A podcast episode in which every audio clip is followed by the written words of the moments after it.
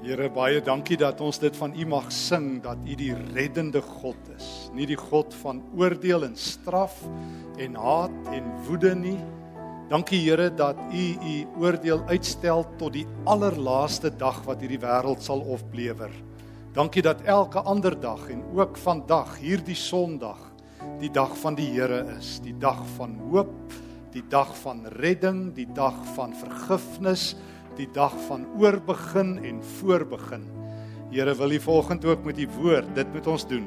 Wil U woord uh, ons uitdaag, ons rek in ons geloofslewe, ons toerus sodat ons ook in die wêreld waar U ons geroep het en geplaas het, U lig kan wees. Hoor ons Here as ons dit bid in die naam van Christus die Here.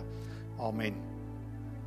Ons gaan volgens stil staan by Jeremia hoofstuk 29, Jeremia 29, maar ek wil eintlik net eers begin met Jeremia 12 vers 5.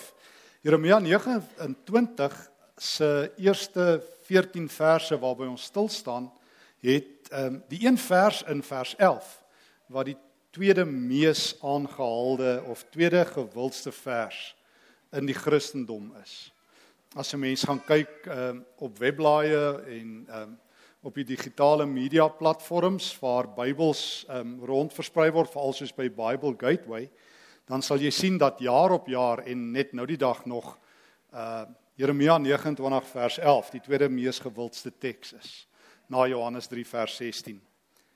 En ek wil elke keer as ek Jeremia 29 vers 11 hoor net so oomblik die pas markeer.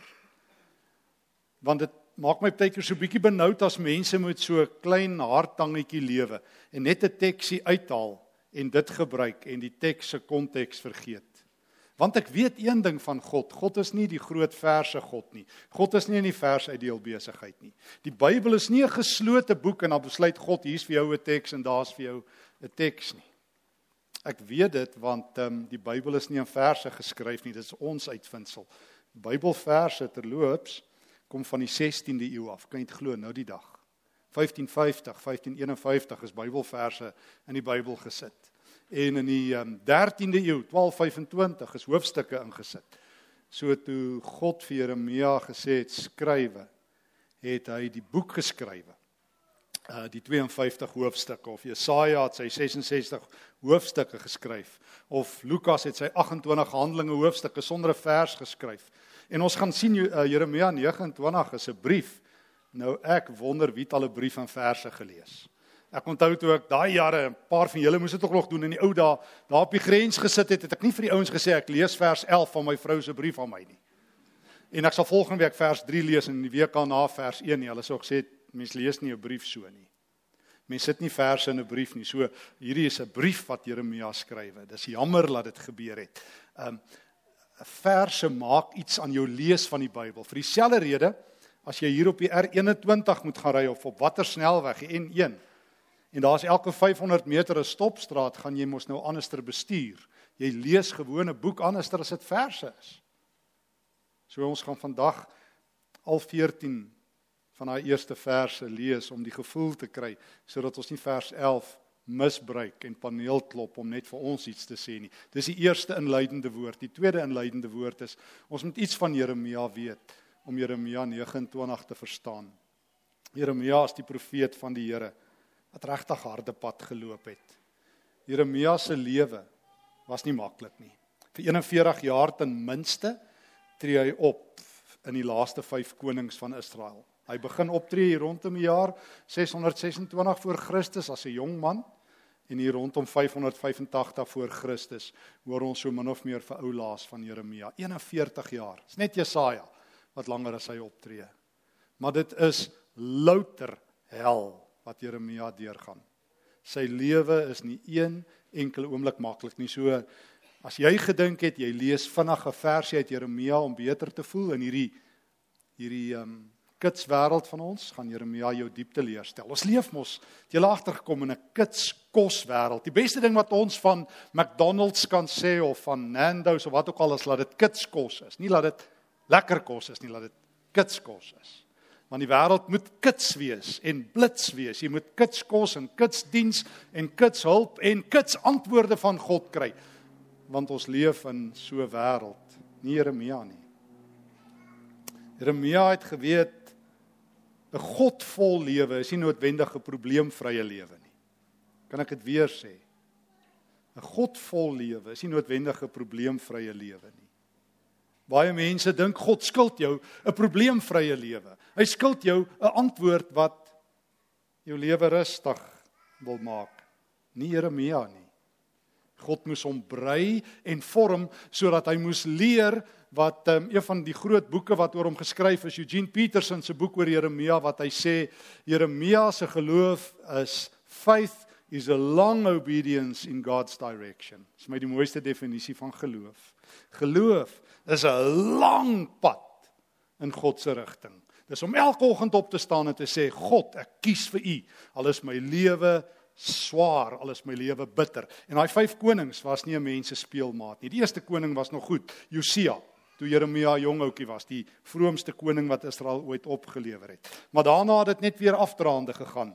Um Joas, um Jojakim, Jojagin was horribale slegte konings, godloos en goddeloos. En net so die laaste koning Sedekia.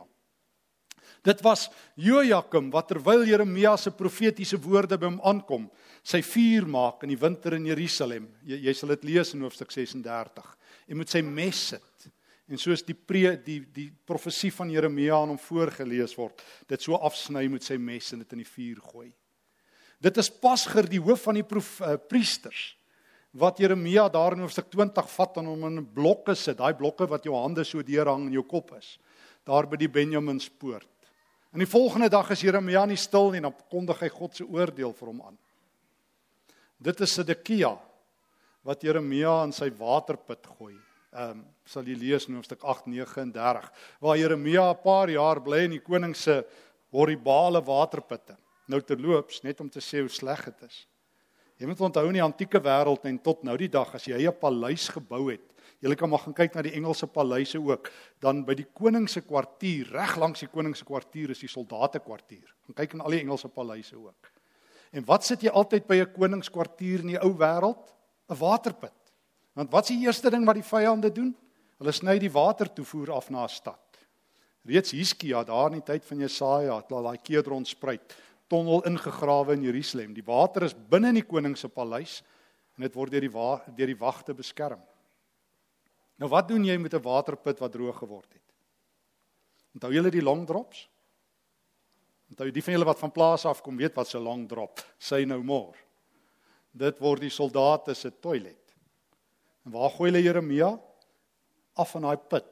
En daar's gelukkig so 'n paar sytonnels, maar dis waar hy bly. Later word dit nog slegter. Gooi hulle hom in 'n nog slegter put wat hom uiteindelik uit die modder en alles moet opsleep elke keer. Hoekom is Jeremia so ongewild? Want Jeremia staan in die pad. Hy staan in die pad en hy sê so sê die Here. En daar's 400 profete wat suikerklontjies uitdeel en sê: "Toe maar man, God gaan dit doen vir julle en moenie bekommer hierdie magtige Babiloniërs wat kom. God gaan hulle laat verdwyn. Um, dit gaan 'n Walt Disney storie wees. We'll all live happily ever after in die volgende jaar." En Jeremia sê: "Hulle lieg vir julle." Hulle lieg vir julle. Dit gaan bitter swaar word. Trouwens Jeremia is die profeet wat moet sê Jerusalem gaan val. O, Donald Trump het hom blykbaar kom ek agter as jy nou dink Donald Trump is die nuwe antwoord. Ehm um, en ek weet nie wat alles nie. Jeremia staan in Jerusalem en sê die Babiloniërs gaan hierdie stad vat. Julle moet oorgee. Dis omtrent soos in 1960 onthou ek. In die 60er jare, die van julle wat toe jonk was om te gesê het ons sal 'n swart president hê. Ek onthou wat met oom Pik Botha gebeur. Toe hy dit gesê het. Onthou my pa sê oor sy dooie liggaam, nou is my pa dood en dit is so. Ehm um, maar ehm um, die feit is Jeremia se profesie gaan maak hom uiters ongewild. En dan uiteindelik as Jeremia 'n paar keer sy bedanking uitskrywe en vir die Here sê Here God, ek kan waaragtig nie meer nie. Ek kan nie meer nie. As hy in Jeremia 14 teen sy geboortedag proteseer soos Job in Job 3. As hy sy bedankingsbrief vir die Here gee en die Here roep hom in en sê luister Jeremia, jy moet een ding van my weet. Ek doen die hiring en firing, jy bedank nie by my nie. Dis nie sommer net soos ou nou dag vir my sê hy sê geloof verloor nie. Ek sê, "Nee, jou geloof verloor. Is God so groot, jou God so groot dat jy hom kan verloor? Kom ons help jou soek waar jy hom verloor. Is dit daar onder die bed of by jou bedkassie of waar? Want lyk vir my jy het 'n klein God as jy hom kan verloor. En dan uiteindelik kom praat die Here met Jeremia in 'n teks wat ek eintlik so gehoop het nie in die Bybel sou wees nie, want dit is nie 'n lekker teks nie. Jeremia 12 vers 5. As Jeremia klaar is, maar dit het Jeremia se bediening verander. Die Here kom by hom nadat Jeremia weer gekla het hoe swaar dit is om vir die Here te leef. Jeremia, as die voetsoldate jou moeg hardloop, hoe sal jy teen die perde kan hardloop? Jeremia, ek het jou geroep om teen die perde te hardloop. Die voetsoldate maak jou klaar. En as jy net in 'n vreedsame land veilig voel, hoe sal jy maak in die digte bos langs die Jordaan? Hoe sal jy in Suid-Afrika oorleef? Soos 'n ou nou eendag vir my sê, "Moet ek aan die buiteland wees?" Hy sê, "Weet jy, in Europa is dit ook nie meer veilig nie. Waartoe moet ek nou migreer?" Ek sê vir hom, um, "God toe." Hy sê, "Nee, die hemel kom." Ek sê, "Nee, nee, nee, nee, jy moet na God toe migreer." Het my verkeerd gehoor. Jeremia, ek het jou geroep om saam met die perde te hardloop. Ek onthou klompe jare gelede 15 of 16 jaar gelede het ons ook in die buiteland gebly vir 'n ruk en my kind eh, my kinders was daar in die skool en ek onthou by die een skool ehm um, het hulle uitgevind my jongste dogter is 'n Christen. Toe was sy so 15 jaar oud. En ek moes op 'n stadium in 'n ander land iets gaan aanbied en toe ek terugkom by die huis sê my vrou vir my ek sal met ons dogter moet praat dit gaan baie sleg. Elke oggend sy by die skool aankom, dan staan daar so 'n klomp seuns so halwe erewag vaar dan sing hulle vir Ilani's God is dead, Ilani's God is dead. En as jy 15 jaar oud is, is dit nie lekker nie. Dit is ook nie lekker as jy 40 jaar is nie. Dit is ook nie lekker as watter ouderdom nie. En ons het gaan navraag doen en Die ouens het vir ons gesê ons kan by die skoolhoof gaan 'n klag indien want hulle skend haar menseregte. En toe Jeremia 12 vers 5 na my toe gekom en ek onthou ek het saam met my dogter gesit en vir haar gesê, "Ilani, ons kan een van twee dinge doen. Ons kan dit maklik maak. Ons kan hulle stil kry op die wettiese manier. Ons kan menseregte teen hulle trek. Dink jy die Here sal bly wees? Dink jy nie dis die kruis wat ons moet dra nie?" En al is jy 15 jaar oud of as jy 10 jaar oud of as jy 40 jaar oud en al sit jy in die buiteland of al sit jy in Suid-Afrika, Babylon is oral. Miskien wil die Here hê, miskien van jou ook, dat jy in 2018 hoër standaard sal hê. Dat jy nie net saam met die voetsoldate moet loop nie, maar miskien sê die Here, wil ek jou op die digte bosse van die Jordaan hê. Ek wil graag hê jy moet saam met perde kan hardloop. Toe Jeremia se lewe verander na hierdie lang inleiding, kom ons nou by Jeremia 29, die langste inleiding wat jy nog ooit vir 'n preek gehad het. Jeremia 29. En dis jammer soos ek sê dat die brief gevers is want mens vers nie briewe nie, maar nou dit is nou so. Ek kan dit nou nie verander nie. Ek gaan nou nie teen die wind kan verder blaas nie. Kom ons lees dit dan nou vanaf vers 1. Dit is die afskrif van 'n brief wat die profeet Jeremia uit Jerusalem gestuur het na die leiers van die ballinge wat nog oor is. En ek sal soos ons nou 'n bietjie oor hierdie teks dink verduidelik, maar ek wou eers hierdie agtergrond en nou gaan ons verstaan wat hier gebeur. Wat deur Nebukadneser uit Jerusalem na Babel vervoer is. Nou Nebukadneser is die Babiloniese koning wat gekom het, hulle het Jerusalem beleer daar rondom 587 Jerusalem gevat. Maar hierdie is nou al 'n rukkie vroeër. Hier rondom 594 kom die Babiloniërs die eerste keer. En in daai tyd voer hulle vir die vorige koning voor Sedekia vir Jojagin, Jojagin, Jojakim, Jojakim, Jojagin weg. En ehm um, vat hulle ook die profeet Isegiel. En duisende Israeliete word dan weggevoer. Hulle word doodgemaak langs die pad met hakke om hulle nekke, met kettinge en blokke aan hulle voete word hulle gesleep tot in Babel. En wat doen Jeremia? Wil sy lewe is louter hel? Die Here sê Jeremia, ek vergeet nie my mense in die buiteland nie. Want die vraag is wat jy en ek ook vandag in hierdie warm oggend vir mekaar moet vra. Hoe leef ek in Babylon? Hoe is ek 'n Christen in 'n nie-Christelike wêreld? Dit is maklik gewees in 1960 as die kerk in die middel van die dorp is en die regering wette maak wat die kerk beskerm en almal die dominee respekteer.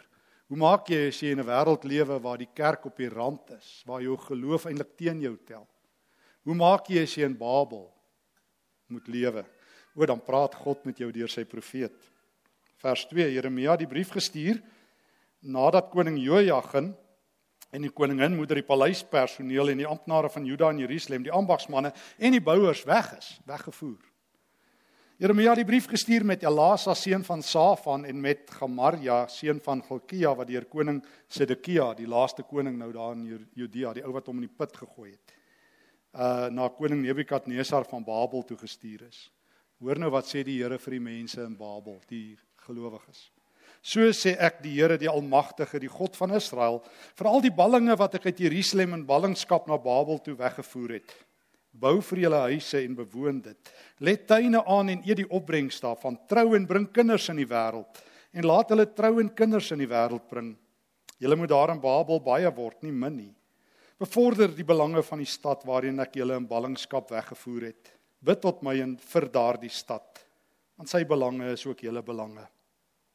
So sê die Here die Almagtige, die God van Israel, moenie dat die profete en die waarsêers daar by julle julle mislei nie. Moenie hagslaan op daardie drome wat jy so graag droom nie. Daardie mense tree sonder opdrag op as profete in my naam. Ek het hulle nie gestuur nie, sê die Here. So sê die Here. Oor presies 70 jaar sal ek Babel straf en julle onder my sorg neem. En dan sal ek my belofte nakom om julle hier na Jerusalem toe terug te bring. Ek weet wat ek vir julle beplan, sê die Here. Voorspoed en nie teenspoed nie. Ek wil vir julle 'n toekoms gee, 'n verwagting dan sal julle my aanroep en tot my bid en ek sal julle gebede verhoor. Julle sal vra na my wil en julle sal dan my wil ken en julle sal met julle hele hart daarna vra. Julle sal my ontmoet sê die Here. En ek sal julle terugbring uit die ballingskap en wat daarop volg. God het 'n woord vir Babel. Oor die wêreld is in ballingskap. Jy en ek is in ballingskap. Die vroeë kerk was in ballingskap. Petrus noem Christene in 1 Petrus 1 vers 18 en 25 en in hoofstuk 2 gelowiges wat in ballingskap lewe. Ons is in Babel. Ehm um, Israel sit in Babel. En God vergeet nie van hulle nie. God het nie agtergebly in Jerusalem nie. God immigreer saam met mense wat immigreer en hy bly saam met mense wat bly. God is nie onkant as die wêreld onkant is nie. Iemand sê nou die dag vir my God is weg uit uit, uit Suid-Afrika. Ek sê nou waarheen het hy geëmigreer? Moes hy ook aansoek doen vir 'n visum en 'n reispermit? En dink jy hy het dit toe gekry? Sê nou mens mag nie so praat nie. Ek sê maar dit klink vir my jy sê dan God is weg. O God is in Jerusalem maar God is ook in Babylon. En wat sê God vir Babel? Wel, hy sê vir hulle 'n aangrypende woord, verander julle omstandighede. Verander julle omstandighede. Um, ek sien baie mense, baie gelowiges wat apaties geraak het teen Suid-Afrika. Want dis ook ons eie Babylon. Ek sien baie ouens wat sê, dis nie meer my land nie. Ek nou die dag vir iemand sê, maar dis nog God se land. En wie gee jou die reg om op God op te gee want hy gee nie op nie. Dit is nie die regerende party se land nie. Dit is nie die politici se land nie. Dis God wat besluit en hy sê as jy in Babel is, weet jy wat doen jy in Babel? Hoor mooi. Jy bou vir jou huise. Vers 5. Jy bewoon dit. Jy lê vir jou tuine aan en jy maak hulle mooi. Jy trou en jy het kinders en jy laat hulle kinders kry. Jy moet in Babel die verskil wees. O, dit mag miskien in Openbaring 11 se woorde oorgegee word wees aan die duiwel, soos wat Johannes in Openbaring 11 vertel van hierdie stad wat nou hierdie goddelose wêreld wat nou in die hande is van die bose. Maar jy's daar en ek is daar en ons almal is daar en ons is Jesus se lig. En waar skyn lig nou weer goed? Onthou julle? In die donker. Waar werk lig glad nie? In die lig. Wat help nou nie? Jy wil nie nog sout op 'n soutmyn hoop hê nie. Het jy al agtergekom sout op 'n soutmyn hoop help vir kos net mooi niks. Al wanneer sout werk is dit tussen nie sout is. En al wat die kerke lyk vir my in die wêreld probeer doen is om sê my soutmyn hoop is hoër as jou soutmyn hoop. Jy moet daar by ons soutmyn hoop kom. Kyk, ons het sout wat jy nie kan glo nie. En God sê, kom ek gooi julle 'n bietjie in Babel en gaan maak 'n verskil gaan leef, gaan doen die dinge wat 'n mens behoort te doen. Gaan gaan gaan gaan gaan maak die stad mooi. Gaan hê kinders, gaan wees gelukkig, gaan werk daar. Gaan wen die wêreld vir my terug. Dis hoe die wêreld sal verander. Nie as jy immigreer uit die wêreld uit nie, as jy terug immigreer na Babel toe en en my daar gaan dien. Jong mense sê nou die dag vir my toe hulle erns my gesels, hulle Hulle wil nie meer kinders hê nie want hier is nie 'n toekoms nie. Ek sê vir hulle het julle al Jeremia 29 vers 11 gelees. God is in Babel. Ja, maar wat gaan van hulle word? Ek sê God is in Babel. Dis al wat ek vir jou kan sê. God is oral, hy's ook hier. Hy's ook hier. En vers 7 bevorder die belange van die stad. Wees 'n goeie landsburger. Wat help dit jy gaan sit nou in 'n geestelike lughawe, soos wat baie ouens doen? Hulle sit in 'n lughawe en wag vir die volgende vlug hemel toe. En hulle sê Here, U moet nou kom. Die wegraping moet nou kom. Die watse naam moet nou kom. Die rooi maan moet kom en Trump moet nou kom en hierdie ek weet nie, dis asof Christene net probeer vlug die hele tyd. Hulle het net um, ontsnappingskaartjies en in God sê ek wil julle in Babel gebruik. Jy kan 'n verskil wees. Hoe? Jy is die verskil. Gaan plant 'n boom soos Liter gesê het. Al weet jy die wederkoms is môre plant 'n boom. Kan 'n verskil van een maak en bid vir haar die stad. Bid vir daardie stad. Wees die smaak in daardie stad. Wees die reukweerder in daardie stad, maar doen net waaragtig iets vir die stad. Dis die eerste ding. God is in Babel. Jy ook. Doen wat God sê, leef 'n normale lewe. Psalm 37 vers 4. As Dawid oor die skelm skrywe, ons ken hulle mos. Hy sê moet jy nie bekommer oor skelms en skurke nie. God weet van hulle. Woon en werk rustig voort. Daar's 'n tweede ding. En dit bring ons by die groot woorde van vers 11 en 12, die bekendste woorde van die Ou Testament, die mees aangehaalde. God sê deur Jeremia, ek het 'n toekoms vir julle. Ek het 'n toekoms. Let wel, my toekoms, nie jou toekoms nie. Moenie hierdie teks verwar nie. God sê, ek sal my plan met jou uitvoer. Ek het vir jou 'n toekoms. Ek het vir jou 'n toekoms. O, jy's nie 'n skipie wat op die oseaan ronddobber nie. Ek het vir jou 'n toekoms. En in Israel se geval daar in die buiteland, julle sal terugkom Babel toe. Ag uit Babel na Jerusalem toe. Ek het vir julle 'n verwagting. Ek beplan vir julle voorspoed en nie teenspoed nie. In die taal van die Nuwe Testament. Ek het vir jou 'n adres. Ek het vir jou 'n eindbestemming. Dit is die taal van die Nuwe Testament. Oor en oor. Die Nuwe Testament het 'n eskatologie, 'n eindverwagting, 'n wete dat dat dat 'n nuwe wêreld wag. Dit sê is Loos, die bekende skrywer wat gesê het, Christene met 'n sterk lewensverwagting, 'n toekomsverwagting is die ouens wat die meeste hier en nou 'n verskil kan maak, want hulle weet ons is op pad. Maar hier maak ook saak. Paulus sê in Filippense 3 vers 20 Julle burgerskap is in die hemel. Jy het 'n reisdokument uitgereik deur Jesus Christus, beseël met sy bloed. Jy het 'n paspoort wat kosbaarder is as die wêreld se groot paspoorte. Vriend van my sê hy is nou besig om aansoek te doen vir die beste paspoort in die wêreld. Ek sê ek het hom al. Christus se reisdokument. Ek kan reis oor die ewigheid met hom. Tydloos. Jou naam is geskryf in die boek van die lewe van die lam. Openbaring 20 vers 15. Christus sê ek ek is saam met jou. Ek hou jou in my handpalm Johannes 10 vers 28 tot 30. Jy het 'n toekoms. O mense kan nie leef sonder 'n toekoms nie. Mense het nie hoop as daar nie 'n beter môre is nie. En God sê ek het vir jou 'n toekoms. Jy sal na my wil vra en jy sal my ken. Ek het vir jou 'n toekoms. Ek waarborg jou toekoms. En daarom kan jy hier en nou 'n verskil maak. Ek onthou die verhaal wat ek eendag gelees het van 'n vrou wie se naam ek vergeet het. Een van die eerste dames wat deur die Engelse Kanaal amper geswem het in 1954. En toe sy baie naby die die Franse kus kom soos wat sy geswem het, ek kan nie onthou of dit andersom was van Frankryk af Engeland toe nie, maar toe sy naby die kus kom, Toe kon sy nie meer swem nie en die boot wat langs haar gery het om haar te help beskerm, het vir haar gesê dis net 'n kort entjie en dit was geweldige mis, die hele kanaal was toe onder die mis en op 'n stadium kon sy net nie meer nie, hulle moes haar die water uittel. Toe was dit 'n letterlike halfmyl van die kant af. En sy het oor en oor daarna gesê sy net geweet het hoe naby sy aan die einde is, maar die mis was te dig. As sy net geweet het, as sy net geweet het, hoor jy so die mis is dig. Babylon is groot en Die geraas uit Babylon is hard.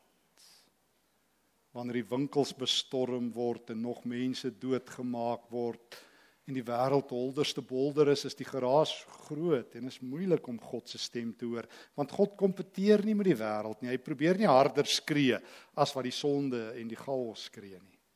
Moet mooi luister. Maar God het 'n plan. En sy plan is dat jy en ek met die perde moet kan hardloop. Ek o ja verseker Want God sê gaan doen net lewe. Gaan doen net Jeremia 29 vers 4 en 5. Gaan bou vir jou 'n huis, bewoon dit, kry kinders en maak 'n verskil in die stad waar ek jou geplaas het of jou Babylon Pretoria is en of dit Perth is, maak nie saak waar nie. Gaan net en gaan wees. En dan ek weet wat ek vir julle beplan 'n nuwe wêreld. Hoop roep. Hoop wink hede en toekoms is in God se hande. Hoor die woord van die Here. En hoor wat Jeremia verander het. Hoe sal dit wees sê die Here vir Jeremia? As ek jou kan kry daar by die digte bosse van die Jordaan saam met die perde te hardloop. Nou maak die voetsoldate jou moeg. Kom ons tel die standaard. Kom ons gaan in 2018 En ons leer om saam met die perde te hardloop in Babel. Want God is hier. Amen. Dankie Here vir die woord. Dankie dat U nie weg is nie, dat U nie geëmigreer het nie, dat U reisdokumente het vir die hele heelal. Dankie dat U dit deel met ons elkeen, of ons hier bly of waar ook al. Dankie Here dat U saam met ons op pad is. Leer ons Here om ons oog regtig op U te hou. Leer ons Here om te weet u bedink goeie dinge oor ons. Dankie dat u Jeremia gelei het. Dankie dat u teenwoordigheid nie die afwesigheid van moeilikheid vir hom beteken het nie. Dankie dat Jeremia uiteindelik 'n godvolle lewe geleef het al was dit probleemvol ook. Dankie Here dat by elke knik in sy pad die Here ook was en dat dit vir hom hoop gegee het. Dankie dat ons die hoop van Christus het. Lei ons Here in u waarheid. Tel die laste van ons skouers af maak ons geloofspiere sterk en laat ons oog duidelik gefokus wees op U. U die begin en die volëinder van ons geloof. In Jesus naam. Amen.